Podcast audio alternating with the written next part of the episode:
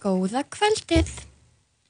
Þetta er DJ Dóra Júli hérna með ykkur í beitni útsendingu í Radio Sadora á 101 Live. Ég er hérna öll 15. kvöld í bóði Sæta Svinsins og ég mælu með því að þið skellu ykkur í happy hour þanga um helgina. Yours truly verður um, á DJ-grænum annað kvöld frá 11 til 1 og það er happy hour 11 til halv 1. En það er gott að vera komin aftur hinga til ykkar og viðmældi vikunar er ekki að vera endanum. Hún er eldklár og stórglæsileg, samfélagsmeðla legend með meiru og mikill frumkvöld áhrifavald á Íslandi. Enda eina fyrstu íslendingunum sem vöktu mikla aðtikli í gegnum miðla á borðið Snapchat og svo Instagram. Ég er mega fan og rosalega glöð að hún sé komin hinga til mín. Verði hjartanlega velkomin mín kæra Solrun Diego. Takk fyrir. Hvernig hefur það á þessu 15. kvöldi? Ég hef aldrei verið betri. Ég hef líka aldrei fengið svona góða kynningu á þér. Ég... Svona entry, já. Já. Mjög skemmtilegt. Þú átt skilið mjög góða kynningu. Ó, takk. Gaman að hafa þig hérna í stúdíónu. Já, takk bara fyrir að fá mig. Mjög skemmtilegt. Mikið girl power hérna inni hjá okkur. Mhm. Getur þú sagt uh, hlustendum og mér aðeins frá sjálfur eða þetta er svona að stikla á stóru? Já. Um, þetta er alltaf svona erfið spurning. Svona... Það er erfitt að lýsa sjálfur sér með orðum, sko. Já, en já, ég myndi held ég bara segja að ég sé, ég er á samfélagsmiðlum Já. og það er svona það sem ég gerir núna og ég er tveggja barnamóður sem er ennþá að venjast að segja. Einmitt, það er svakalega status. já, það er, um, já, ég bara, já, sinni því bara að vera mamma og hugsa um í rauninni það sem ég er að gera svona út af við í dag. Ég er að fara að gifta mig og við erum nýbúin að kaupa ykkur hús og erum bara svona verða svolítið miðaldra held ég. Já, og svolítið að þessu svona karna fjölskyldu Já. ykkur, já. Ég er svona sigla inn í þetta miðaldra, það er svona búum undir alltaf. Já. Ok, þannig að það eru spennandi tímar framundan. Já, myndi segja það. Þetta er, já, við erum búin alltaf að gifta okkur frekar lengi þannig að svona, við ætlum að gifta okkur í fyrra, hættum við það því að ég var ólitt af strákunum mínum yngri og ákvæmum að fresta því aðeins, við vildum halda alveg partí og ekki vera með lítið batna með hann Já, að, og kiftum okkur þetta hús og já, erum að fara að gifta okkur núna í sömar. Spennandi. Mhm. Finnst ekki fyndið, þú veist, lífið er svo skrítið. Það er einhvern veginn svona, eins og ég var að spila í brúkupi á Ítalíu um daginn og það var svo sætt, þú veist, ég fekk að vera viðstödd aðtöfnina. Og það er svo krútlegt og svona grilla að pæli að, þú veist, einu stundina er þetta einhverju tveir einstaklingar, þú veist, sem voru í sambandi, svo er einhver aðtöfn og allt einu ertu bara, núna eru þau hjón og það er einhvern veginn svona allt öðruvísi, þú veist, alveg eins og bara eitthvað, allt í einu, eða þú veist, lífið gerist svo mikið allt í einu. Ég veit það. Allt í einu ertu bara, já, ég er tökja bara móður og ég er bara að gifta mig og eitthvað og svo. og pínu svona einhvern veginn þegar maður er undirbúið brúðköpi og maður er að fara á svona alls konar staði sem maður hefur kannski farið beint á áður og þá er maður svona fattar maður einhvern veginn á hvaða stað maður er komin þetta er búið að vera svona hugmynd lengi maður er búin að ganga lengi með í maðunum og þú veist ætla að giftast ykkurum og búin að plana allt og svo er bara eitthvað svona þetta er svona bara að gerast hvað er síðan hvað síðan þetta er búið, eða veit ekki hvað ég á að gera því ég er Það búin að var gifta allt í einu frú en ekki Já, fröken. já, nákvæmlega. Svo fyndi allt saman. já, En skemmtilegt. Um, en þú ert búin að vera, hvað, hérna, hvað ertu búin að vera lengi á samfélagsmiðlum? sko, ég byrjaði í lók árs 2015 Ok, Mhm. þannig að það er ekki lengra síðan en það. Nei, ég er búin að vera með minn persónlega miðl, eða opnaði Snapchati mitt fyrir þremur ára síðan. Ok, vá. Þannig að þetta er ekkit, er ekkit brjálæslega langt síðan, en svona í kringum 2015 þá var þetta svolítið að verða vinsælt Já, einmitt. finnst mér. Veist, ég man ekkit eftir að vera fylgst með eitthvað brjálæslega mörgum fyrir það. Nei, það, þetta var, sko ég man bara þegar Snapchat byrjaði, þá var engin, það var, þú veist, það var engin stærri pæling. Nei. Það var bara, maður var, þú veist, að senda einhverjum svona koma jammið eða sína Já. einhverjum, þú veist, það voru, það voru ekki grúpur eða neitt, þetta var bara svona eitthvað einstakling svona, senda eitthvað í þrjár sekundur sem maður vildi kannski ekki eitthvað myndi eiga eilu. Já, algjörlega. Eitthvað svona, sko. Og maður nota þetta meira sem svona bara eins og messenger, eitthvað svona samskipta. nákvæmlega. Þú varst ekkit eitthvað svona búast við í eitthvað annar myndi fylgjast með þér. Nei, eða þetta gæti haft Já. einhver áhrif, heldur var þetta Nákvæmlega. meira bara svona quick, Já. hérna, samskipti. og ég, og svo sem fyndi að því að ég nota þennan miðl svo rosalega lítið og þegar ég í rauninni bara taka ákvörðun um að, að, stíga í þessa átt að við náttúrulega byrjum á bloggi Já, ok. og þá var náttúrulega snappið ekkert inn í myndinni þá sko þegar svo höfum komið upp og þá um eitt þegar ég fór að segja þetta við vinkunum mér þá þá, þá voru það allar bara nei, þú veist, ha, nei og þá fannst þá fannst þetta mjög asnalegt Já, mörgum finnst þetta náttúrulega ennþá asnalegt og ég skil alveg pælingunum bak við það en veist, þetta var eitthvað svona þetta var svo ótrúlega fjarrir manni maður var bara svona, já, ég er spóið að byrja að blogga og þær voru bara já, nei, nei, þú veist, bara getur ekki fundið þér eitthvað hann að gera í einmitt. Þannig að þetta var í fæðingarólfinu þegar þetta byrjar á hérna fyrrabarni. Já, hún var Ok. sér þetta bara þryggja, fjara mánuða eitthvað þegar sagt, við vorum nokkrar, þetta var svona bara meira félagskapurinn sem Já, að já, já. held mann í þessu Einmitt. maður sá svolítið svona stelpur að gera það sama sjálfur og svona maður svolítið svona sækist í það þegar maður bara svona eftir tíumbölum sem maður gangi gegnum þá Nákvæmlega. en ég er nákvæmlega. kynntist og ég sé svo alls ekki eftir þessu eins og þetta var allt skríti og ég er úr ánað að þetta bloggs í búið og allt það það er bara svona tímabili sem að klárast eins og með snappið er náttúrulega bara Já, já, mitt tímabil það er búið Það var alveg end of an era. Um þannig að, en ég kynnist þannig að fullt af stelpum sem eru bara ótrúlega góða vinkonum í dag og meðal annars Kamila Já, ok, þið kynntist í gegnum. já, þannig að þetta er svona það er ykkur ástæði fyrir að maður fái svona tækifæri og ég er ótrúlega að hafa látið, látið vaða því að það var mjög ólíkt mér að Einmitt. fara í þessa átt sko. Ok, mm þannig að þú tókst smá svona áhættu þarna. og einmitt, það er líka bara svo magnað hvað, þú veist, allar ákvarðanir geta skilið eitthvað svo fallegt eftir sig, eins og bara einslega vini og opna svo ný tækifæri. algjörlega og líka bara svona Já. ég lifa ótrúlega því að það gerist alltaf ástæði Einmitt. þannig að Það er svolítið hérna, já það er svolítið merkilegt að lifa lífinu sinu þannig en það gefur manni líka svolítið ró að trista líka flæðinu. Skilur, að vera bara eitthvað svona, ok, þú veist, ég tek, tók eitthvað ákvarðun af Mhm. ástæðu og svo svona kannski líka eftir á sér maður svolítið að mér eiginlega sína sig og sanna svo oft Já. að allt gerist af ástæðu. og líka bara svona, ég hugsa ótrúlega mikið bara svona, og sérstaklega að það gerist eitthvað slæmt líka alveg gott, en svona ok, þetta gerist ástæðan og hvað lærði ég af þessu, þú veist, hvað verkefni fyrir næst í og er þá betur undirbúin fyrir eitthvað annað stærra sem ég lendi í? Svona, ég hef lendi svipum aðstæðum áður og er þá betur undirbúin fyrir eitthvað stærra verkefni sem að við erum kannski eftir að finnast yfir þeirra mandið Já, nákvæmlega, nákvæmlega. Þetta er allt Mhm. svona partur af einhverju uppbyggingu þú veist, Já, hjálpa mann að takast á við þetta fyrirbæri sem lífið er. það er ástæði fyrir að við vorum að jazzballett saman sko fyrir 15 árum Nákvæmlega, það er eitthvað svona grunnur sem að, svo er maður alltaf eitthvað, já, ég, ég var alltaf með á Facebook Já. og svo bara, heyrðu, hún er orðin hérna eitthvað Mhm. og það var hérna bara ótrúlega skemmtlegt. Já, ég er að segja og bara svona er- einmitt þá fyrir sko, hvað vorum við, 14 ára Já, litla 13, 14, já, úlingsstelpur. bara Já. fermast eða eitthvað Já,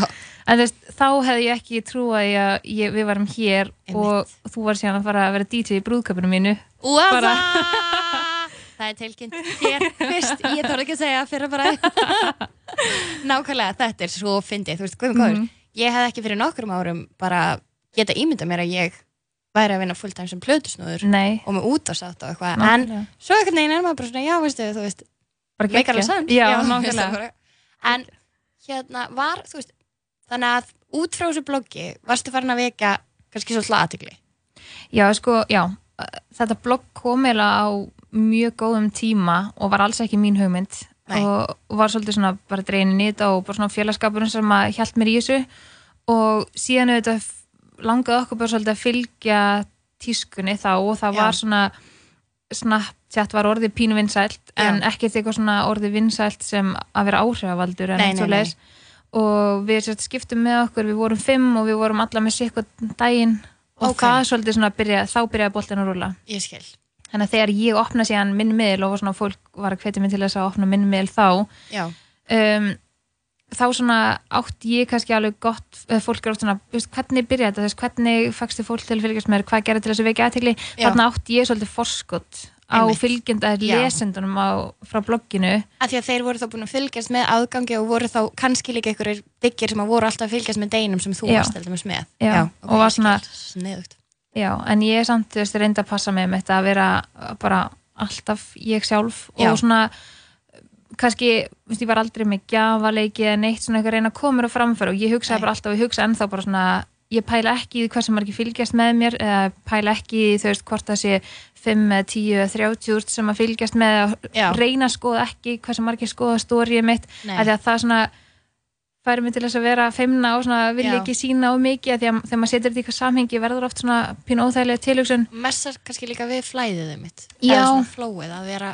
svona sjúklega meðvitaður. Já og einhvern veginn bara svona forsa, mitt nákvæmlega. Og mitt bara svona einmitt, bara eins og veist til dæmis með, með þig sem DJ veist, þetta er bara svona spyrst út já, veist, svona, það er bara þannig ef manni gengur vel og maður er að standa sig vel í ykkur þá spyrst það bara svolítið sjálfkraf út. Maður þarf ekki að vera endalust að pikki fólk og minna á sig. Nákvæmlega. Það getur orðið frárindandi líka. Já, nefnilega, þannig að ég hugsaði bara svona ok, þú veist, ef þetta tekur mig eitthvað lengra þá bara gera það það og þarna var náttúrulega aldrei planið veist, ég ætla aldrei að opna mitt persónlega Nei, en ég er alveg, þannig að þetta svolítið vatt upp á sig og boltinn fór að rúla já, eiginlega. Og hérna ok, þannig að þetta var svona einmitt, meðvitað en samt ekki meðvitað. Eiginlega, já. já. ok, og svo getur við fyndið, veist, þetta eru hvað þrjú og hálft ár síðan eða eitthvað. Já, en maður er svona manið ekki eftir þessum tíma. Nei ég var svona, hvað er ég að gera áður en að ég var í þessu? Svo er maður líka, þú veist, svo mikið stanslust að breytast og þróast og eitthvað og svona skrítið, einmitt líka bara mun ekki alveg bara svona, hvað hugsaði maður daglega og hvernig funkar maður þegar Nákvæmlega. maður var bara einhver önnur sólun eða einhver önnur þóra. Já. er hérna en já hvernig svo, að því þú veist á þessum tíma voru þetta, að því áhrifavaldur er náttúrulega bara svona það er eitthvað sem allir vita hvað er núna, en Já. þú veist ef einhver hefði sagt við mig 2015 til dæmis, bara Mhm. Áhrifavaldur þá ég hugsa bara, já, veitu, hver hafa áhrif á mig í mínu lífi, eða eitthvað Einmitt. þannig að hvernig þróast þetta í bara þetta atvinnutækifæri sem það er að vera áhrifavaldur og þú veist, það að nýta þessa miðla sem bara viðskiptatækifæri Já. og voru einhverjir undanfara sem þú sóttir, þú veist, einhvern innblástur í eða eitthvað svoleiðis eða var þetta bara eitthvað sem að gerðist? Sko, þetta er mjög áhugaverð spurning. Um, uh, sko, nei, það var enginn sem ég var að fylgjast með því að þarna var ég ekki virk á Instagram til dæmis og Snapchat var ekkert eitthvað brjálæslega mikið sem ég nýtti mér. En þetta var meira svona það sem ég tók frá fylgjendahóknum mínum hvað þau vildu sjá meira af. Já, og þetta er svona, ég var þarna bara að opna mig og sína ég, hvernig dagur minn var og hvað ég var að gera og þá svona fær maður ennþá meira spurningar og, og því meira sem þú gefur á þér því aðgengilegri verður og því Já. þú veist, meira leifir fólk sér að spyrja og veist, kommenta á það sem þú ert að gera einmitt.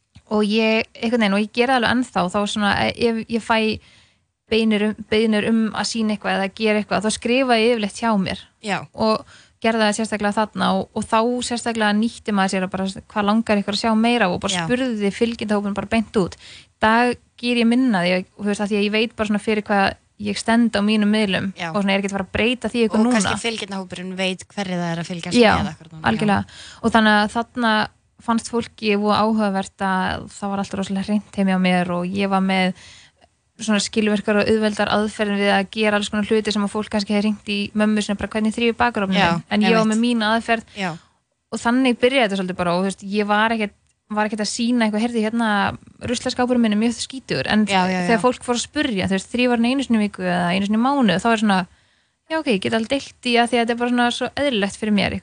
Og þetta er greinilega eitthvað sko gap in the market í rauninni fyrir þessar upplýsingar. Sko. algjörlega og líka bara svolítið svona ég held að fólk hafi líka tengt svona mikið við svona nýtt sér það sem ég var að gera þetta er eitthvað sem allir tengja við eða, fyrst, mér finnst gaman að elda og baka og, og um þetta að þrýfa og allt þetta sem að allir, veist hver og einn einstaklingur þarf að gangi gegnum á daginn skilur, það þurfa allir að hugsa um heimri sitt hvort þú nenni því eða ekki skilur. Og mér finnst ekkert gaman að þrýfa og það er oft miskilningur Já, sko. já, já. ég er ekkert bara yes í dag já, Já. í En dag þið ætti finnst gaman það. að vera með góðar lausnir. Já, eiginlega, og ég hef svo oft sagt þessa setningu bara að setja latasta einstaklingin í erfiðasta verkið og hann finnur auðvöldustu leiðin út Já. og ég er alveg þar, þú veist, þegar ég horfa á já. þóttuvelina mín og ég er bara ok, hún er bara hún loðin, ég get verið að greiði hún og svo loðin, sko, ég þarf að þrýfa hana þú veist, og það eru margir sem að tengja þar og, og þá svona einhvern veginn bara svona, hvað get ég gert til þess að bara hafa gera þetta bara ógeðslega stundum tíma Já. Og hvernig Og- finnur út úr því? þetta er bara eitthvað, þetta- þetta er basic þetta er Já, bara svona, en þetta er kannski eitthvað sem engin annar var að gefa af sér. Einmitt. og þú veist, þetta er svona, ég sé alveg margt hjá vinkonum mínum sem ég er alveg, hei, já, sniðut og þetta er bara svona tekið til þín úr öllum áttum og einhvern veginn komi frá þér líka á Já. svona skiljanlegan hátt. Algjörlega og svona þegar maður er orðin og líka auðvitað er ótrúlega mikið af fóreldrin sem voru bara, höfst, adda mér og snapptjátt hjá börnunum sínum bara horfa á hana, sjá Já, þetta já, ég ætla bara veit, mjög snyggt. og jú, jú, ef þetta varði eitthvað trend að, veist, að hugsa um herbyggisett okkar, þá var það bara geggjað. En, en ég líka setja þannig fram að veist, þetta er líka sem að hjálpa mér í mínum kvíða og ég lá- láta mér líða vel því þarf ekki að veist, þetta er veginn þannig og heim, þegar ég kem heim til mín og það er bara er allt út um allt. Og þegar Já. ég segi allt út um allt þá þarf ekki að vera sama út um allt í okkur Nei, nei, öðrum nei, einmitt, en bara eftir þínum Já, og þegar ég kem heim og það er bara eitthvað ekki eins og að vera, þá líður mér bara svona eins og ég þurfa að taka til í hausnum mínum, Já. bara eins og hausnum minn sé bara í óriðu og það er bara svona, þegar ég get sleppt því og hausin á mig sé í óriðu varandi heimil mitt, Já. en bara allt, að því að það er svo margt annað sem maður þarf að nákvæmlega. Og þá einhvern veginn svona bara læti mér líða vel og þegar fólk held ég fór að tilenga sér alls konar eitthvað svona hluti sem ég fór að segja og ég er ekkert eitthvað að finna um hjólið. Þetta er eitthvað svona sem kannski amma manns eða mamma manns myndi kenna manni en þú veist fólk fór kannski frekar að sjá hjá mér og sækist í hjá mér. Þá einhvern veginn svona, já, þegar fólk fór að taka eftir svona að þetta auðveldaði þér að taka til einu sinni viku heldur en að býða í mánuð og vera þrjá tíma því skilurðu. nákvæmlega, og maður þarf oft ekki að leita langt yfir skapt sko. Nei, nákvæmlega er og oft finnst mér sko, það er svo fyndið, bara svona auðveldustu og svona bara svona basic hlutir eru svo, þeir virka svo vel Mhm. Algjörlega. það er einhvern veginn það að koma með eitthvað auðveld sem er ekki of flókið Mhm. konsept, það er bara eitthvað sem virkar fyrir flesta, Algjörlega. En Og- það er bara svo brilljant að hérna hafa skapað það. Já, þetta geta komið þessu svona frá sér. Já, þetta er, bara, þetta er rosalega steikt þegar maður fyrir að spá í þessu sko, þegar maður fyrir að segja fólki sem veit bara ekki neitt. Já. og bara svona, já, veistu, maður er eitthvað svona, já, fólki bara, ha, fólk þarf einhvern veginn að vera búin að fylgjast með til þess að skilja, Já, að já, þetta, ég skil alveg, þetta er mjög skrítið, en, en svo er þetta líka það að, að kannski sem ég held það að, skrítið að sem að fólk kannski tekur ekki, eða pæli kannski ekki í að þetta er ótrúlega mikið kvartning fyrir mig. Einmitt, og fyrir mig að halda mínu heimili í standi og láta mér þar lendi líða vel. Já. að ég er ekkit endilega bara alla daga bara eitthvað, yes, mér langar að gera þetta. En ég veit að það, þú veist, á eftir að bæði upplýsa annað fólk. Já, og líka bara svona, mér finnst þess þegar ég segi eitthvað og þá kemur fólk, já það er líka að gera þetta svona. Og þá er ég svolítið líka miðla áfram því sem að mér hefur bent á. Akkurat. Þú veist, ég kannski að gera eitthvað og bara svona, æ, þetta gekk ekki alveg. En þá er fólk já, hefur pröfað þetta. Já. og eins og til dæmis bara veist, með sigur og naglalakk og munnvatna á, þú veist, þegar kemur svona brúnt eftir bananæfut og eitthvað svona Já, sem já, að já. þú veist, og þá, þarna sé ég líka bara svona, ég get verið að gefa af mér í að vera að deila áfram nákvæmlega, að því að þú veist, ég er með ákveði plattform til þess að auðvelda fólki með alls konar svona. Akkurat en svo er það það er náttúrulega líka náttúrulega snill já, geta svona sangað sér upplýsingum úr mismunandi áttum en komið sko, á framfæri fyrir breiðan hóp. Já, nákvæmlega. Það er það, já, það er svona pointið með þessu. En svo er þetta, þú veist, þetta var þetta fyrst bara, þú veist, ég síndi nánast ekkert nema ég var að elda, setti uppskriftin inn já, og var þrýfa eitthvað, en núna er þetta meira orðið svona, þú veist, líka búið að færa því var annan miðil, þetta er aðeins öðru sig já, einmitt. ég er meira svona vanda efni mitt, setja frekar í highlights og fólk spyr þá get ég bent á highlights og Já. meira bara svona orðið mitt dælega líf í bland við allt hitt já, einmitt og Instagram er svona meira business oriented Já. miðill líka sko en svo þetta bara, þú veist, til dæmis eða þú varst að tala um, veist, hvernig var þetta svona atvinnu, veist, tækifæri þarna já, það er auðvitað líka bara það að sem ég var ótrúlega þakklátt fyrir að fyrirtæki, eða margt sem að ég var að nota bara í daglegu lífi fyrirtækin fóru að hafa samband að fyrrabræði og vildu koma í samstarf eða vildu Já. greiða mig fyrir að þú veist, ég væri búin að selja bara endalust að ykkur um, Einmitt. þú veist, og þá fannst mér það líka ótrúlega jákvætt fyrir mig að fyrirtæki Svona sat ekki, já, sko. veist, Já. fyrirtæki sat ekki bara á sér og bara ok, hún er bara að móka þessu út fyrir Já. okkur geggjað en þau vildu líka gera eitthvað fyrir mig í staðinn og Einmitt. svoleiðis byrjaði þetta svolítið að rúlla og svo bara fljótlega í kjölfarið náttúrulega byrjaði þessu umbóðskrifstofur og, og þá svolítið svona fór maður að sjá maður kannski áttaði sig ekkert á því hversu mikið mikil áhrif maður hafði. Einmitt, og svona ma- að þekka sitt valjú er krúsjál Já, og þá náttúrulega að vera best að vera með þá einhvern, en mér finnst það best að vera með einhvern annan í það að vera Já. að semja. einmitt, það er bara svona, annað er pínu bara óþægilegt. Já, einmitt. Skil. skil það. Þannig að já þetta er mjög skrítin saga. Já, en svo skemmtileg. Og þetta er líka, þú veist bara svo mikið lífið akkurat núna og samfélagið og svona, það er bara svona occupation, bara störf hjá fólki hafa aldrei verið Nei. fjölbreyttari og kannski svona langsóttari í rauninni fyrir eldra fólk til dæmis og eitthvað. En það er bara svo geð, þú veist, ég embracea það svo mikið hvað það er skemmtilegt að fólk getur bara þróast í eitthvað og það verður bara atvinnan þín. Algjörlega og ég gaf náttúrulega bók líka. Einmitt. Já. Þannig að við getum bætt því í listan af Nákvæmlega. En Þannig að já, en það var tækifærin eru alls þar Já, og það er þú veist, einmitt þegar Björn Bræði hafi samband við mig og veist, bara sendi mig fyrst bara eitthvað skilabóð á Instagram eða Facebook eða eitthvað bara, hæ, eitthvað, maður fór númer eitthvað, eitthvað, ég þarf að bera eitt undir þig. Og ég bara, hann er að fara að spyrja hvort það mig gerir grína mér í mið Ísland, það var fyrsta sem ég hugsaði hann er bara að reyna að vera næs og ætlar að fá leifi og ok, eitthvað, en svo þegar hann sagði um mig, ég bara, ha, og ég var bara, vá, þú veist, ég hafði alveg hugsað þetta en Já. aldrei tekið þetta neitt lengra. Og það var útrúlega, ég var, ég var úrslega stolt þegar að hann í rauninni hefur samband við mig með þessu hugmynd og sáu þetta í mér, þá var ég alveg svona "Á, ok, eða þú veist. Já. og líka bara eiga einhvern veginn svona eftir sig ég hugsaði með þess þegar krakkarnir mín er orðnir stórir og ég var kannski ekkert tímann amma og svona maður veit ekkert hvernig tíminn verður Nei. líka bara svona að segja kannski og þarna byrja þetta þú veist, bara svona eiga eitthvað í höndunum. Algjörlega og þetta er mjög mikið svona stepping stone mm að, og kannski líka bara hérna einmitt um, hlutir sem að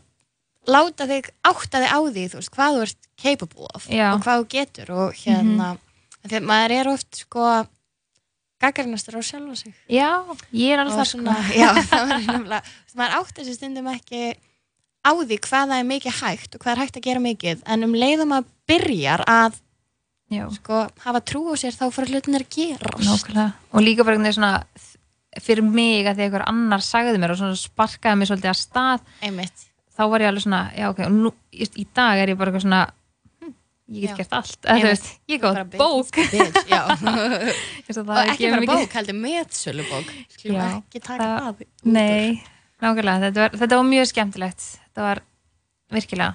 Já, um, já, það er æði. En hvað finnst þið svona skemmtilegast að vekja aðtekli á og vinna með í bara hérna þessu businessi? Sko mm, ég verði eiginlega að segja þegar að maður setur eitthvað fram sem að einmitt, eins og við erum búin að tala um, veist, er ótrúlega auðvelt og Já. maður heldur að fólk kannski viti en svona einhvern veginn þegar maður að gefa af sér eitthvað sem að allir geta nýtt. Einmitt, af því að þú veist, jú, jú, ég get alveg það er eitthvað segjum bara einhver hlutur sem maður geti bara, bara, un, bara breytt lífið til eins betra og ég geti verið hann og þú þurftir að kaupa hann. Já, mér finnst það, það er alveg geggjað þú veist, Já, að já. maður getur kynnt fólki fyrir svona hlutum, já. en þegar maður er að gefa af sér og sína fólki eitthvað sem að það tengi við og það, þú þarft ekki að kaupa það eða skilur, þú þarft ekki en það hérna, auðveldar dag, bara daglegt líf já, og- en ég er samt ekki hérna, já, heyrðu þetta fæst hérna og þetta kostar þetta og Já, ég já, fæ þetta já. að borga fyrir þetta og Já, þá já, fólk já. bara, já, hún er bara prósentum af þessu og þú veist, það, Já. þegar það er alveg fara á borðinu eins já, sorglegt á hljómar, Já. en þú veist, þegar ég get gefið eitthvað að mér og, og fólk í rauninni bara getur nýtt sér að bara 100% á þess Já. að vera, þú veist, og það á örgla til heima á sér, Já, já, það hefur alveg oft komið fyrir, já, þannig að það finnst mér eiginlega eins og þegar ég byrja og var að nota þau bara matasóta og etik og eitthvað sem að var til á flestum heimilum þú veist að fólk bara, vá ok, ég þarf ekki að kaupa mér hérna hreinsefni einu sinni í viku fyrir þessa háa upphæð, já þetta er bara til í skáp og vissi ekki eins og ég geti nota þetta. Einmitt. Og nota svona sama hlutin kannski marga við og það er svona sem ég er skemmtilegast að gefa af mér. Já, það er mjög fallegt. Mm. það er einmitt hérna gott líka bara, þú veist, vilja gefa af sér og vera þakkláttu fyrir fylgjenduna að þú veist, þeir eru svolítið ástæðan fyrir því að maður getur gert það sem maður er að gera. Algjörlega og bara ástæðan fyrir ég sé ennþá í þessu og þessum staðir náttúrulega bara fyrir fylgjendahópin og maður, það er ógustlega svona klísulegt að segja en það er bara stað. Það er bara fakt. Það er bara, já, það er það er stað. einmitt. En sko, núna, þú veist þegar maður er með, eins og þú veist líka að segja sko, maður er með Instagram og þú veist það er svolítið bara svona miðill þar sem að þú velur svolítið, ok, svona ætla ég að presenta mig og basically þá hefur frelsi til að velja svolítið hver maður er aldrei verið meira. Já, og ég finn þetta svo sjúklega mikið veist, þetta er líka svo þó þetta sé ómeðvitað þá er maður kannski æ, veist, þá er þetta líka meðvitað. Og maður er alltaf einu orðin einhver bara eitthvað svona, já, hún er þessi típa sem er svona og ger þetta og maður er bara eitthvað, já, ok, svona er ég að presenta mig og svona er bara eitthvað fólk út í bæ að portreyja mig, eða skilur en finnst þér erfitt, þú veist að fjarlæga sjálfa frá vinnuna, því að núna líka maður er alltaf með síman mm skilur og maður er alltaf með samfélagsmiðlun og þetta er svolítið svona stundum er bara eins og maður sé svolítið alltaf í vinnunni, skilur og svona um, já þannig að ég skil alveg hvað að meina því að og finnst þú skil tala um þetta því að mér finnst svo mikið vera núna í umræðinni og fólk sé svona að setja sér eitthvað svona ákveðin tímaram á dag í að vera í símónum Já, og ég gerði það sjálf fyrir svona tveimur mánum síðan. Þá sagt fyrir, fyrir tilvælun bara skoðaði ég hversu miklum tíma ég eitti símónum á dag. Já, og ok, ég get flokkað þetta sem vinnuna mína einmitt. en eh, þetta var samt alveg too much þegar ég fór að skoða þetta og mér blöskraði, ég var Já, bara já. shit Búi. Já, þannig að ég setti mér bara pínumarkmið og, og þá fyrst fann ég að hvað það er mikilvægt fyrir mig að kúpla mig út Já, og einhvern veginn svona að ég sé ekki astnalegt að segja ómissandi en svona að maður þurfi ekki að svara strax Einmitt. eða þú veist, manneskjan sem að sendi mér eitthvað hún getur alveg googlað eitthvað og fundið út í sjálf Já. ég er ekki, þarf ekki að þú ert ekki svara skildu til að svara alltaf og vera Nei. alltaf Nei, bara á standby til að svara nákvæmlega. Og stundum leiði bara eins og ég væri ríkistarsmaður Já, já, já. og væri bara á, þú veist, sólringsvar Bara, Já, já, einmitt. Þannig að Það væri skilda þín til eða, fólksins. Já. En, en já, einhvern veginn eftir það þannig að ég er svona sett ákveðin tíma og svo er ég náttúrulega með tvö börn þannig að svona á tímanum sem að þangað til ég sæki þau og þangað til þau fara að sofa þá er ég ekkert, þú veist, jú ok ég, ég tek rosalega mikið upp efni en ég fer ekki inn á miðlana tek bara upp eitthvað og svo setja ég það inn bara þegar þau eru sopnuð eða bara veist, Já, þegar já. ég er búin að fá minn tíma. Og ég finna líka alveg svona í mínu sambandi við maka, veist, með hérna Frans, þá er ég svona stundum er ég bara svona, ó, ég var ekkert búin að horfa framan í hann síðan að koma heim, eða skilur að því að auka tíminn fór í það að vera- símanum. Já, og ég bara svona, já. ok, hvað er það að gefa mér að svara þessara mannesku sem ég myndi ekki svona þekkt út á götu? Einmitt en ég get rækt að sambandum mitt við hann, Já, skilur, eða nákvæmlega, börn og fjö- nákvæmlega. vin, eða þú veist, já, maður þarf svolítið að setja þetta í hólf sko. eða þú Já. veist, þetta er svona en, en svona raða tímanum sínum einhvern já, einhvern veginn svona já, einhvern veginn geta gert, gert ef maður ætlar að gera allt, skilur Já, en, og það fyrir ógeðslega töðunar á mér og ég ætla bara að segja, Mhm. ekkert meiri töðunar á mér þegar að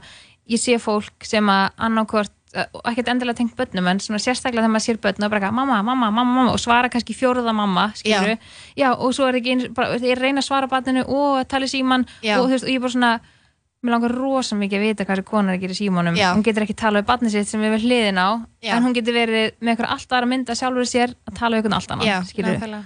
Þannig ég fór mjög mikið að hugsa þetta þannig bara svona ég fæ aldrei þennan tíma aftur með börnunum mínum Nei, eða hverjum sem er, skilur Nákvæmlega. sem að- eru við fleeting, það er nefnilega málið sko. já, en, en svona já, og þetta setja maður þessi ákveðin karakter þegar maður er einmitt, þetta er svolítið svona Solrún Diego mm á þú veist sem áhrifavaldur í rauninni já, er svona ákveðin e- e- einmitt, mér finnst þetta eins og bara digital Júlia mm er svona, þú veist bara ómissandi hluti af mér sem heild. Já, en það er samt, þú veist, ég er önnur þegar ég er heima til upp í sófa og Já. þegar ég er á sviði að performa, Mhm. skilur og, því, þú veist, og svo líka bara líka stundum á Instagram og svona, þá er maður pín, þetta er pínu performance, veist, maður er að kynna eitthvað, að segja frá okkur eða eitthvað, Mhm. maður er alltaf, maður er í rauninni alltaf að setja sig í mismunandi hlutverk þó að sé allt partur af manni, sko. algjörlega og mér finnst þetta veginn svona ég hugsa þetta ótrúlega mikið þannig að að því að ég er svo rosalega feimin og ég er ótrúlega erfitt með, eða ég átti sérstaklega mjög erfitt með að fá gaggrinni og ég var bara svona, mér fannst bara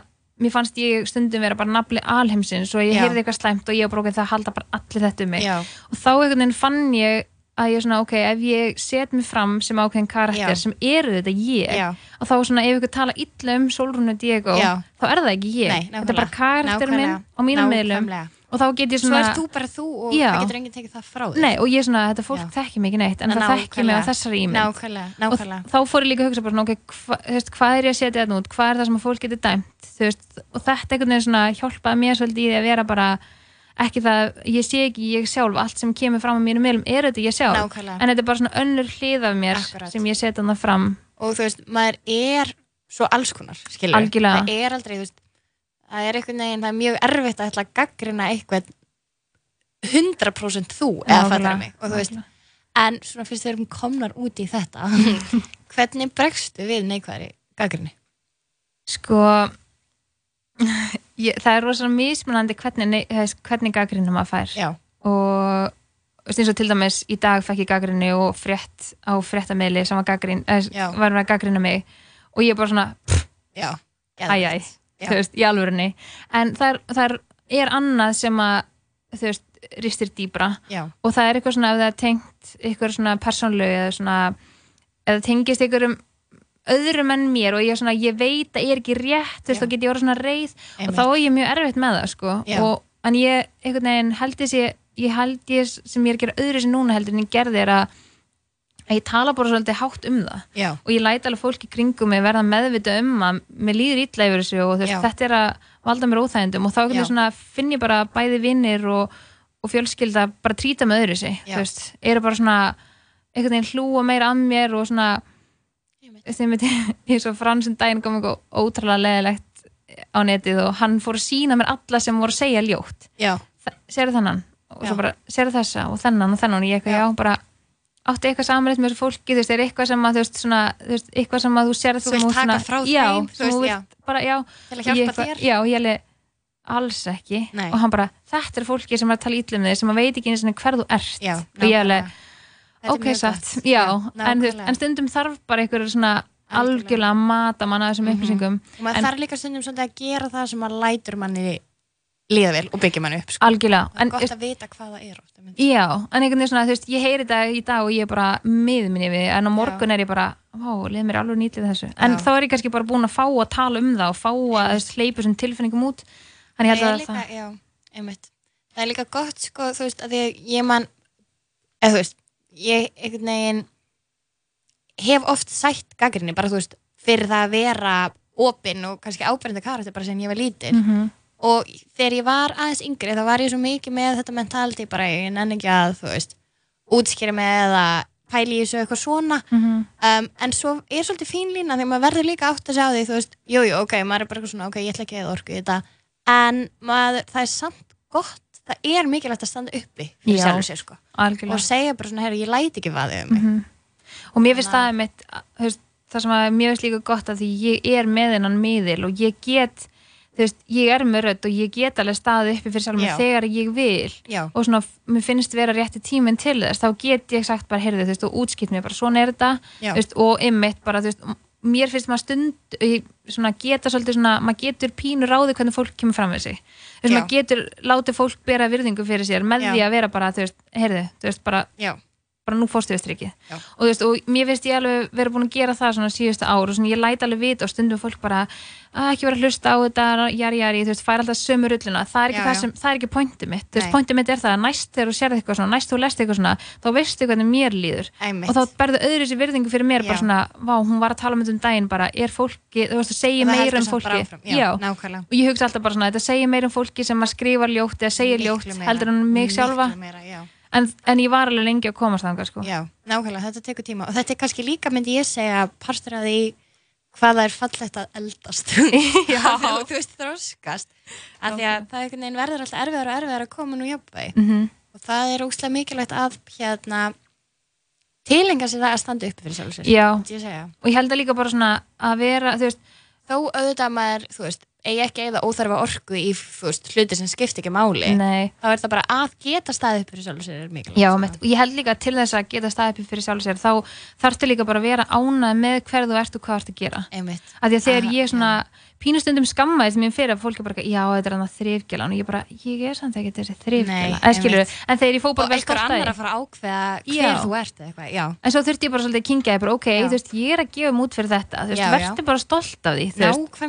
fara ok, þú veist, um þá er mér alveg sama hvað fólk Já. var að segja. Já, þú veist, þú veist líka hver þú ert algjörlega, og það er kannski líka ástæð, þú veist þú ert ekki bara einhver þrifgæla, þú ert þrifgælan en þú veist, já, þetta er einhvern veginn svona Æ, þetta er, þetta er ógustlega skrítið að vera ta- þú veist, sérstaklega svona að því að ég hefði vilja hitta mig fyrir þremur án síðan og segja mér þetta þá Já, að því að einmitt. og með partur að þið þroskast og Já. auðvitað þú veist bara svolítið svona að sjóast í þessu Já. einhvern veginn.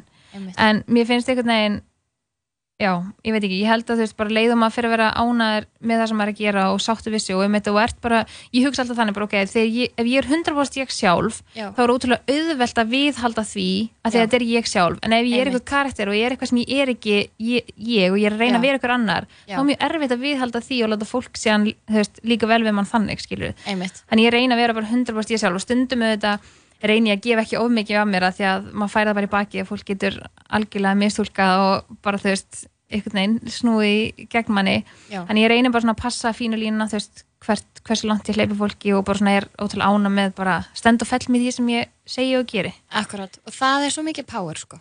Já, það er algjörst power í því að hérna, og þú, það er bara krúsilega eiga gott samband við sjálf sig líka. Já, það, og það tekur tíma.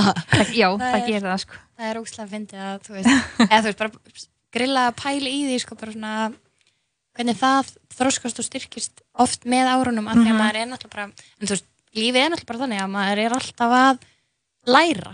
Maður er alltaf að taka nýja nýja hluti til sín sem að einhvern veginn svona dýfkar skilningavitin og þú veist, gera mann klárar og sterkari sko. algjörlega, sem er- mjög fallegt við að eldast Já, og bara svona, er það svona nefnilega- fyrir sko. Nákvæmlega, og ég veginn tengi svo lítið við eða þú veist þetta svona, það eru margir finnst mér sem að upplifa eitthvað kvíða við það að vera ekki alltaf 22 eða eitthvað, Já. skilur og eru svolítið svona, þú veist, það eru svona komplexar í Já. sumum við það að verða eldri og Mhm. Þú veist, eitthvað svona, oh my god. Og einhvern veginn, þú veist, ég veit ekki. Nei, er, ég skil alveg hvað það meina og mér fannst það, ég var alveg svona einmitt þegar ég var yngri en svo einhvern veginn svona eftir ég eignast börn og Já. þá svona þá langar mig ótrúlega mikið að eldast og mér langar ótrúlega mikið að verða svo mikið partur af þeim og sjá þau einhvern veginn stækka. En svo, veist, ég er 28 og, og Frans var 30 núna fyrir tveim ykkur síðan og ég er svona, ok, ég verð 30 eftir tvö ár. Það er pínu svona, ha, er Já. ég að vera 30 því mér líður, manni líður alltaf einhvern veginn eins og maður sé átján. ég veit það. Og ég gleymi oft, veist, eins og bara þegar ég var 26 þá var ég bara eitthvað, já, ég er 25 og svo bara, nei, wow, og það er kannski líka bara parstæri því hvað það er weird hvað tíminn líður rætt Mhm.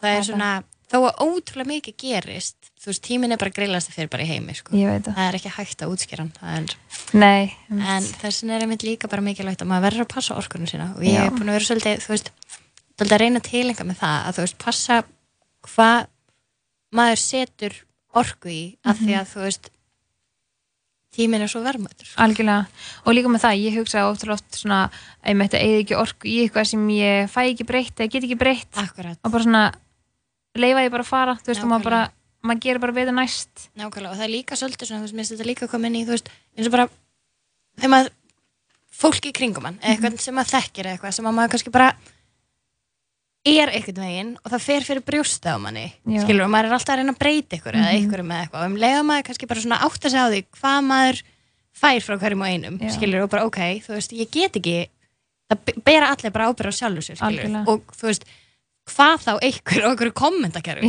þú getur ekki breytt honum það verður bara svona, ok, þú veist, þá getur maður bara gerst ráð fyrir að, þú veist, sem er séu bara svona og þá Já. auðveldar manni lífið rosalega mikið. Algjörlega, og líka bara svona, veist, það er alltaf lægi að vera ósamála það þurfi ekki allir að samla, það væri ógæslega leðilegt að það var allir bara eitthvað það væri engin umræða. Nei, þú veist, það er líka, svo verður maður líka að hugsa þannig, veist, þetta er bara skoðanir sem fólk hefur og með hvað sem það eru skoðanir sem hefur á mér eða þér eða, veist, hvað mjólkin kostar út í eða eitthvað, það er bara jákvætt. Já, já, nákvæmlega, nákvæmlega.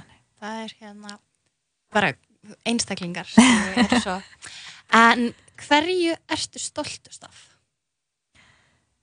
Ok, um, ég, mjög svona klísilegt, en ég held Já. ég verið að segja að hafa eignast tvö börn. Já, Ég held að það sé svona, já, það er toppurinn þetta, já, en svo náttúrulega þetta þú veist, fara eitthvað svona víðara þú veist, eitthvað svona fyrir utan það en ég var ógstlega stolt í gáð bókina það er Já. ógstlega skrítið að segja Nei, ég skilja mjög vel. já, en svo líka var ég mjög lengi að þú veist, taka stúdinsprófið og ég var líka ógstlega stolt af því að þú fara í skóla aftur og, og klára það Einmitt, Þannig að það er svona- stepping margt. stones. já, það er svona margt einhvern veginn en, en ég held að börnin standi alveg klára upp úr sko. Fyrsta sem kemur upp í hugan allavega.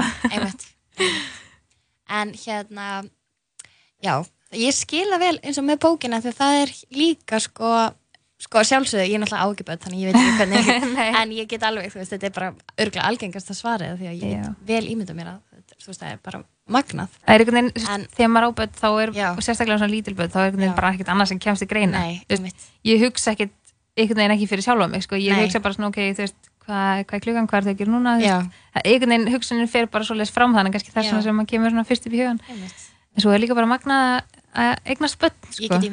að það. Það er alveg Þetta er eitthvað svona eitt af þessum magnuðu hlutum sem lífið hefur upp á að bjóða. sko. já, En það er hérna, já, mér finnst þú bara ge- hafa gert rosalega mikið magnað. já takk fyrir það og líka það að þú veist að eins og til dæmis það að hafa gefið út bók það er svolítið svona að færa hlutina á annað level og það gengur líka það er það sem er svo skemmtilegt að sjá, bara vá, Já. ok, það er hægt að hafa áhrif víða og það er hægt að gera svo margt -hmm.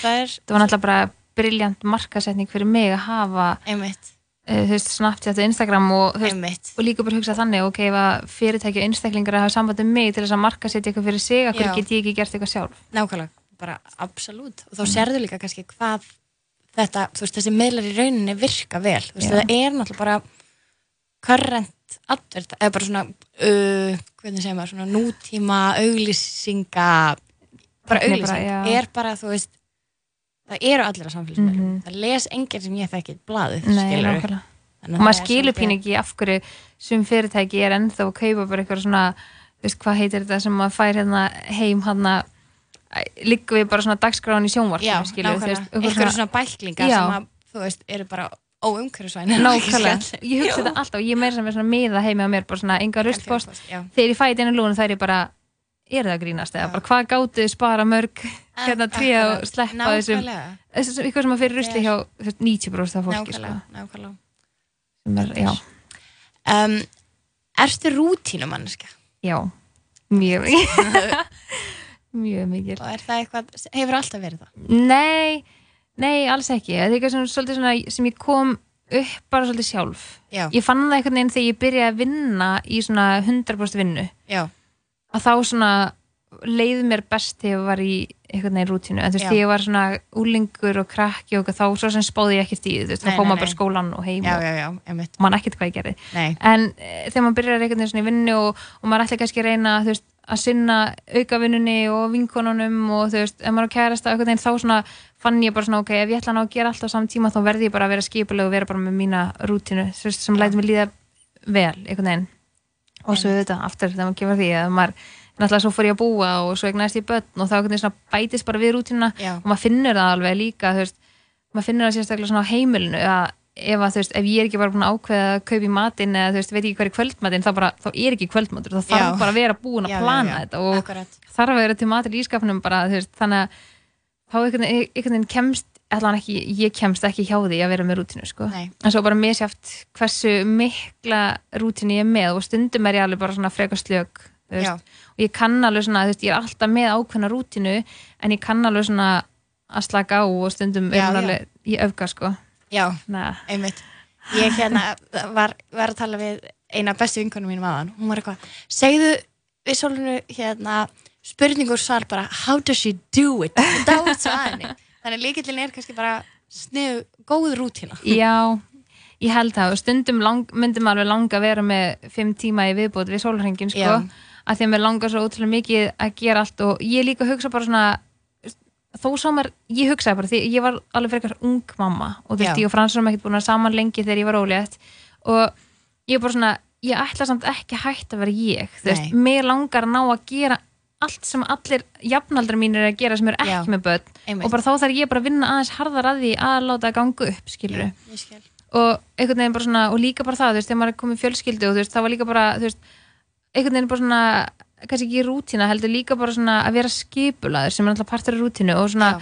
að láta allt ganga upp og líka bara með svona framtíðar plön, þú veist, bara Já. hvað ætla ég að gerast ég ætla ekki að vera alltaf á þessum stað Nei, skilur, mér langar nákvæmlega. eitthvað meira hvernig þróast ég og, einmitt. já, og það er líka bara það er svo mikið frelsi í að þú veist þegar maður áttar sér líka á því að maður sjálfur bara skapar sig og Mhm. veit, þú veist, ok, hvað henda mér best hvernig vil ég vera og hvað þarf ég að gera til þess að ég geti verið þannig algjörlega og ég, sko. ég man alveg svona þegar ég var svona fyrst eitthvað svona að vera með ákveðnu rútínu og var, ég er alveg svona tendensar í mér frá því að ég var yngri skilur að svona þurfa að hafa allt á sínu stað og, og þú veist, ganga frá strax ég var með eitthvað í tösku og, Já, veist, já, já. og mér var, var með þess að það sjúk þegar ég var yngri að ég, mér varst pyrrandi að fara eitthvað í útilegu eða ferðalega eitthvað því ég, þú veist, ég meikaði ekki að koma heim og ég eftir að taka úr töskunni og það var skýt töskunni og þetta var Það bara svona, ok, en já, þú er í sólanda ferð Já. bara, en þegar Ég ætti að fara kem heim, já. þá. Já, og bara svona var búin að pakka í töskuna bara ómaka því ég opna þá kannski bara allt fór um allt. Ég var alveg þar sko.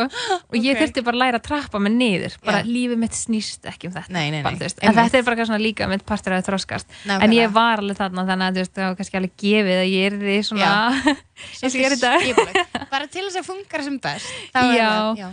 líka bara þú veist einhvern veginn þú veist, að ég er bara svona í svo mörgu þú veist, ég nenni til dæmis ekki að kaupa kannski tvöfalt magna fötum á börnum mín Nei. af því að ég er svo lengi að þvó einmitt ég vil freka bara, þú veist, eigða peningum í föt á mig af því að ég er ekki Já. að fara að stækka neitt brálaslega mikið næstu, Nei, árum sko, ekki planið þannig ég er svona, ok, ég á freka bara fimm buksur á hann í staði fyrir tíu Já. ég þvæða bara örar skilur og ég þarf Já. bara að hafa skipula í af Einmitt. því hann stækkar upp um á mánuði skilur Já, en það er líka margt svona, er svona líka bara að því að við vorum að safna okkur fyrir eign og við vorum bara með fimm ára markmið að bara ná að kaupa okkur veist, húsið sem okkur langa í og okkur langa í bíl og allt þetta, þá bara Já. svona, ok, hvar getum við köttað Já. en lifa samt bara ótrúlega eðlilegu og góðu lífi, aldrei Einmitt. neita okkur um neitt einmitt þá er margt svona sem að kemur inn í bara svona, ok, skipulegja mat ekki alltaf verið að borða, þú veist Já. gera þetta fyrir eitthvað þetta og einhvern veginn sem maður maður finnur ekkert brjálast mikið fyrir Nei, en skila mann alveg helling skilvirt, já já, gera það sko þetta er daldið góður svona daldið mikið lífinu.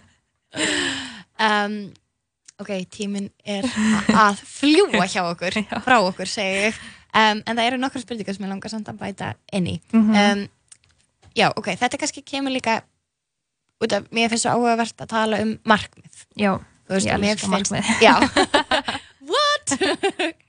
Já, þannig að þér finnst markmið mikilvæg já, mjög. En ertu þannig að ef að þú nærði ekki einhverju, þú veist, eins og svona hálit markmið til dæmis, um, er það svolítið þannig að það verður að ganga upp akkurat á þeim tíma sem þú ert búin að segja eða setja þér.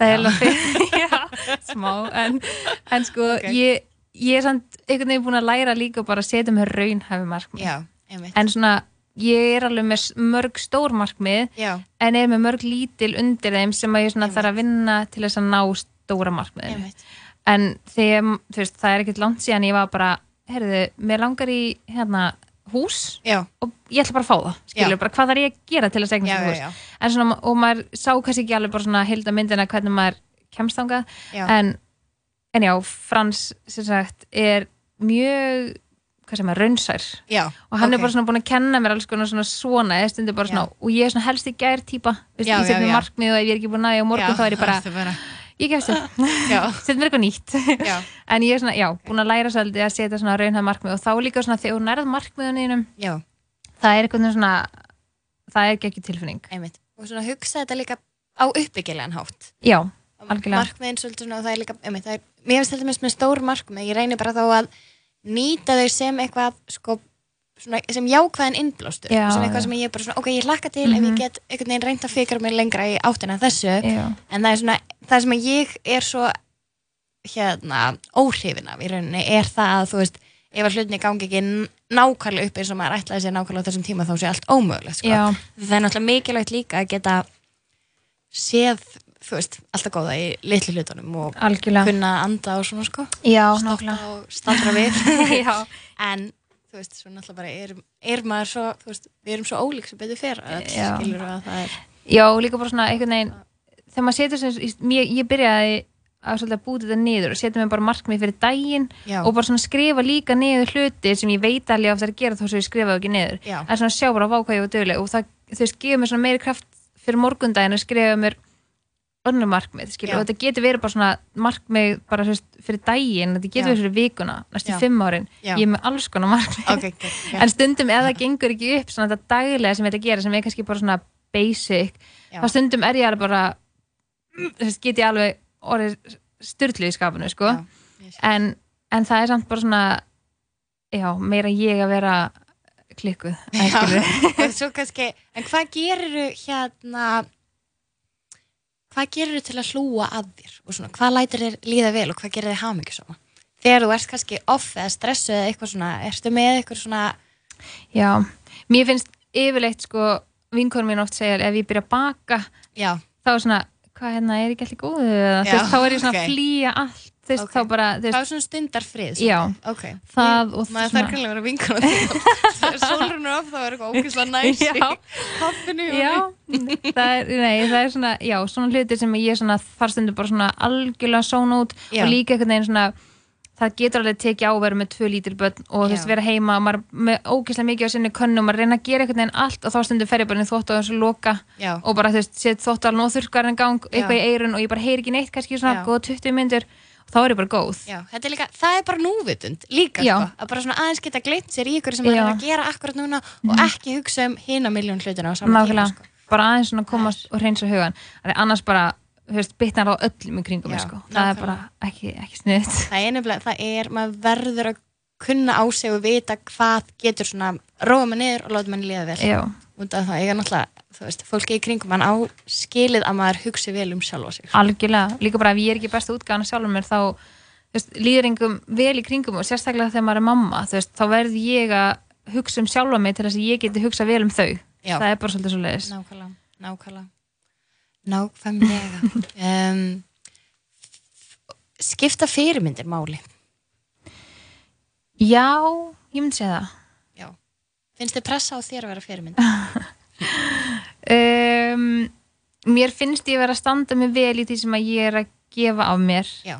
þannig að, jú, auðvitað er að pressa en mér finnst ég alveg vera að gera vel þannig að mér finnst Já. það alveg jákvætt Já, já, já. og Einmitt. ég reyni eins og ég get að passa efni sem ég set frá mér og set alls ekki hluti inn sem að ég veit að hefur neikvæð áhrif Já.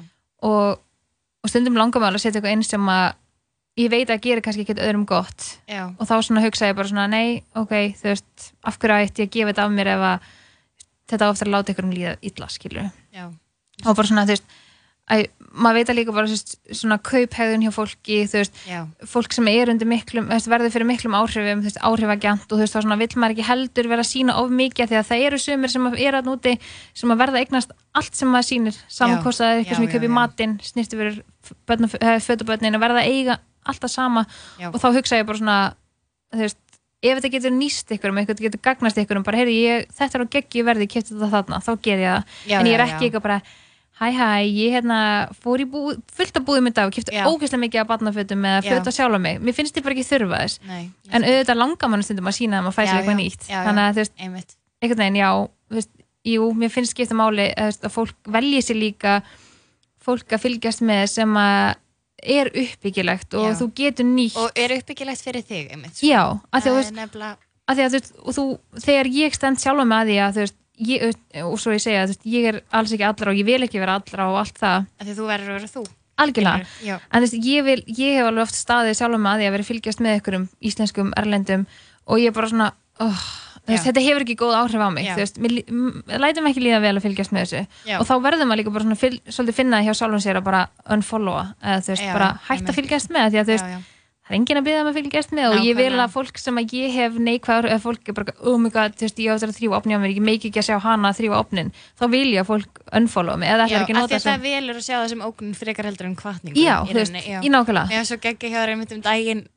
Og mér finnst þetta svo sniðt þú veist, ég einhvern veginn svona hef oft kannski ákveð bara að ég er kannski pínu óskipulega eða þú veist eitthvað haldið en þú veist, svo kannski líka bara eftir ég kefti mér íbúð ein þú Já. veist, þá kom ég sjálfur mér á óvart að ég var í rauninni kannski miklu skipulegar en ég held og kannski, mér, veist, maður er oft miklu meira með hlutinu hreinu en maður heldur. Og algjörlega, mér finnst svo gegga, þú veist um daginn þegar þið voruð að koma heim úr ykkur ferðarlega og þú varst með þú veist, bara svo mikið legend. Mér finnst þetta svo cool sko. Já. og hérna, að því þú veist þetta er eitthvað sem ég bara svona, ok, ég ætla að reyna aðeins að þú veist, tilenga með þetta bara, ok, þú veist það róar mig einmitt líka oft Mhm. niður bara, ok, þú veist, þegar ég er eitthvað lítil í mér og mér slutnir yfir þegar maður eitthvað, þá Mhm. skrifa ég oft bara niður, ok, hvað er að valda mér á ekki með, hvað Já. eftir að gera og eitthvað svona, og að sjá það á blaði og klára eða, þú veist, fara í málin Mhm. og það var einmitt eitthvað að róa sig eitthvað Já. við þig og þú bara, heyrðu, þú veist þú er ratar út er bara, þú veist, þetta er bara ég og já, nákvæmlega þannig að, ég finnst svolítið svona líkillin með fyrirmyndir er að þú veist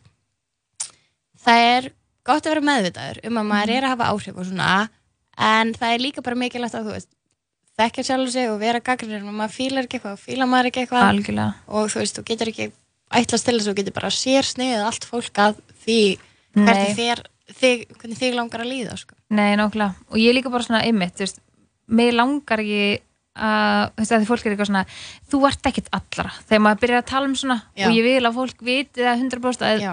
ég vil heldur ekki vera allra, þú veist, það er líka málið, þú veist, Já, ég vil bara að vera ég og þeir sem vilja fylgjast með, fylgjast með. Einmitt. Og myndi þess að ég sagði við þessa konu sem að sendi mér þetta eitthvað eitthvað raunaði mig fyrir að hafa gert þetta mín aðþrif var svona. Já. og mér langaði innst inni að segja við hana bara sko ok, ég var búin að sitja í sex tíma í bíl Já. með tvö lítil börn og ég var óslega þunn og ég var með yfir því, búin Já. að vera í fimm dagi í fríi. Langaði óslega mikið að komast heim til mín og bara klára hlutina. Eins og ég var bara svona. Þú ratar út. Já, bara, það er bara svo grjótart og bara ég þarf ekki að útskjöra mig bara, en þú veist, einmitt. En ég reyndar reyndar þurfti að sparkin út sjálf af því hún rata ekki sjálf út en Já. þess, það er annar mál. Ég er Já. mjög góð á blokktakkanum að bara það, það er mjög gott. Bara ég, meni, ég, ég ræð hverju fylgjast með mér sko. fólk heldur alltaf er maður sko. já, fólk heldur alltaf að maður sé svo rosalega aðgengilegur og þú veist, Já. bara fólk eigi mann, skilur nákvæmlega. En þú veist, maður verður líka bara að leifa svolítið fólki að finna að það er ég sem að ræða úr mínum meðlum þannig að ekki vera komið vinsamlegar ábendingar Nei, nákvæmlega. Don't mess with Solon Diego. Ekki, ekki alveg það reyna ok, hérna tveir liðar að lókum ok, um, ef þú ættir að gefa eitt ráð til þeirra sem er að hlusta hvað væri það ráð? Verður 100% þú sjálfur og gera það sem að þig langar ekki til að gera ekki óháð skoðunum annara ok, ég held að. Mm, mjög gott, nýtt með það. Og svo ætlum ég beðið að koma eitt óskalag svona að lókum ú, mm, What's Me með Kamilu. Úlala,